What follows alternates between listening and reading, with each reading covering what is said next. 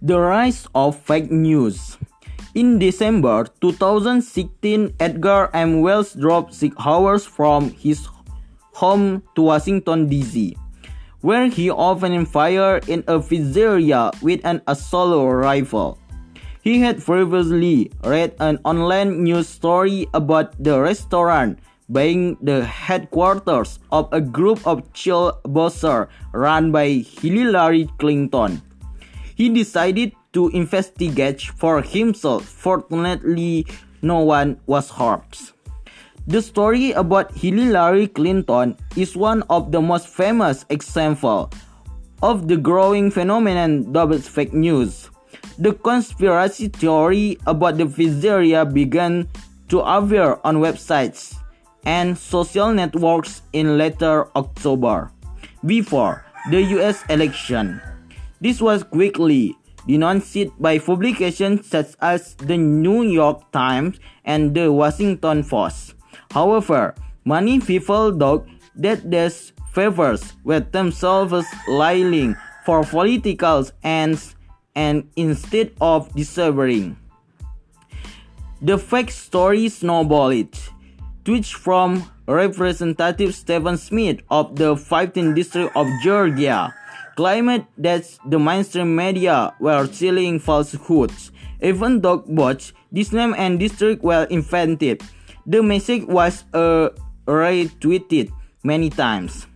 A YouTube reputation of the New York Times article got 2 million 500,000 hits.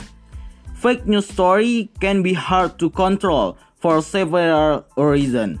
Many people mistrust established news sources and others just don't read them. So the debunking of a fake story by a serious newspaper or television channel has limited effects. In addition, the internet is very hard to police when users are caught misusing one's media platform. They simply go to another one or start up a website themselves. There are also various reasons why people create fake news. Some have political motives to belittle or, or incriminate their opponents. Other websites, like The Onion, deliberately publish fake news as satiric humorous comment on society and current affairs. Another group is in it for the profit.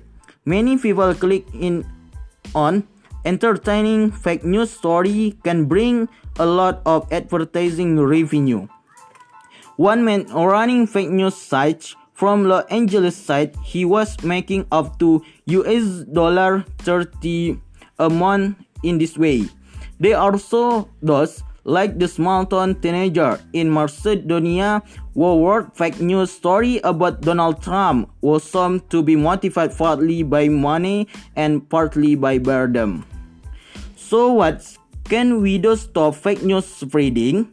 First, make sure that the websites you read are legitimate for example by looking careful at the domain name and the about US section.